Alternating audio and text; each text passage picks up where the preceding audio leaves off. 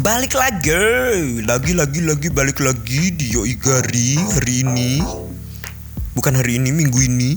Saya akan membir baca berita-berita yang sudah dirangkum oleh asosiat produser kita yang sebenarnya punya segmen tapi nggak jadi-jadi gimana nih? Tolonglah teman-teman, saya sendiri di sini sedih. Ya, jadi ini adalah berita. Kok hilang beritanya bentar? ya ya ya ya ya. Berita minggu ini yang pertama adalah akhir pandemi COVID-19 sudah dekat. WHO alias Organisasi Kesehatan Dunia menyebut akhir pandemi COVID-19 sudah dekat. Pernyataan tersebut dibagikan dengan melihat jumlah kasus dan kematian yang menurun selama beberapa waktu terakhir. WHO menyebut jumlah kematian mingguan pada pekan lalu menyentuh angka terendah sejak Maret 2020. Oh, jadi awal nih berarti ya. Mengacu pada hal itu, dia dia siapa? WHO maksudnya. WHO minta semua pihak semakin fokus untuk mengakhiri pandemi. Meski demikian, WHO mengingatkan masih ada resiko kemunculan varian kematian dan gangguan dan ketidakpastian untuk mengakhiri ketidakpastian gitu ya maksudnya. Untuk mengakhiri pandemi, WHO sendiri merilis ringkasan 6 kebijakan. Salah satunya adalah mendesak negara untuk melakukan vaksinasi 100% pada kelompok beresiko. Laporan tersebut berdasarkan pada bukti nyata dalam 32 ta selama 32 terakhir 32 apa nih?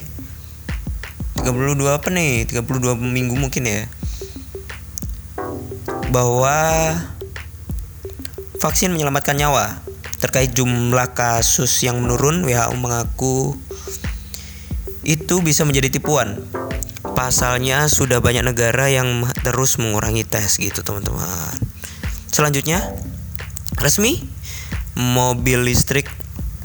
Bentar kok lama ya? Resmi mobil listrik jadi kendaraan dinas pemerintah mobil listrik akan menjadi kendaraan dinas semua instansi pemerintah Adapun instruksi tersebut disampaikan langsung Presiden Jokowi tertuang pada instruksi Presiden nomor 7 tahun 2022. Jokowi memerintahkan Luhut untuk memimpin kebijakan. Nantinya kebijakan itu akan diterapkan di pusat maupun daerah. Dengan demikian semua kendaraan dinas yang berbahan bakar minyak akan diganti dengan kendaraan listrik. Selain itu, Jokowi juga menginstruksikan Menteri Dalam Negeri Tito Karnavian agar mendorong pemerintah daerah beralih ke mobil listrik. Dia ingin agar pemerintah daerah membuat aturan baru terkait hal tersebut. Ye. Ya, mobil listrik ini kayaknya bakal jadi masa depan banget ya teman-teman. Karena memang harga minyak dan harga listrik sekarang udah selisihnya udah jauh banget. Dan udah nggak bisa di di itu ya udah nggak bisa ditolerir lagi harga naiknya minyak ini teman-teman seperti beritanya kayak gini ini berita yang agak sedih mungkin ya buat semua orang sih Pertalite dan Pertamax akan dihapus. Pertalite dan Pertamax diketahui memiliki oktan di bawah 95. Terkait hal tersebut, Ketua Komisi 7 DPR RI, Sugeng Suparwoto, menyebut bahwa BBM yang beredar harusnya memiliki standar emisi Euro 4 anjay. Berarti BBM yang dijual seharusnya memiliki RON 95 atau 98 atau setara Pertamax Turbo. Faktanya hal itu tercantum dalam Peraturan Menteri Lingkungan Hidup dan Kehutanan Permen LHK nomor 20 tahun 2017 tentang baku mutu emisi gas buang kendaraan bermotor tipe baru kategori MN dan U. Lebih lanjut, dia menjelaskan bahwa BBM yang disubsidi seharusnya memiliki oktan berkualitas tinggi. Bukan seperti yang ada saat ini. Pasalnya semakin tinggi kualitas BBM maka akan lebih baik untuk lingkungan. Mengacu Permen LHK nomor 20 tahun 2017 tentang baku emisi gas buang kendaraan yaitu yang tadi ya pada pasal 3 ayat 2 poin A bensin yang beredar harusnya bernilai nilai oktan RON 91 itu berarti pertalite dengan RON 90 seharusnya tidak boleh lagi dipasarkan ke masyarakat sementara untuk Pertamax dengan RON 92 masih boleh beredar di publik gitu teman-teman Nah ini teman-teman gimana? Ini kemarin lagi rame gara-gara pertama dan pertalite mau dihapus gitu teman-teman dan maunya gitu RON 95.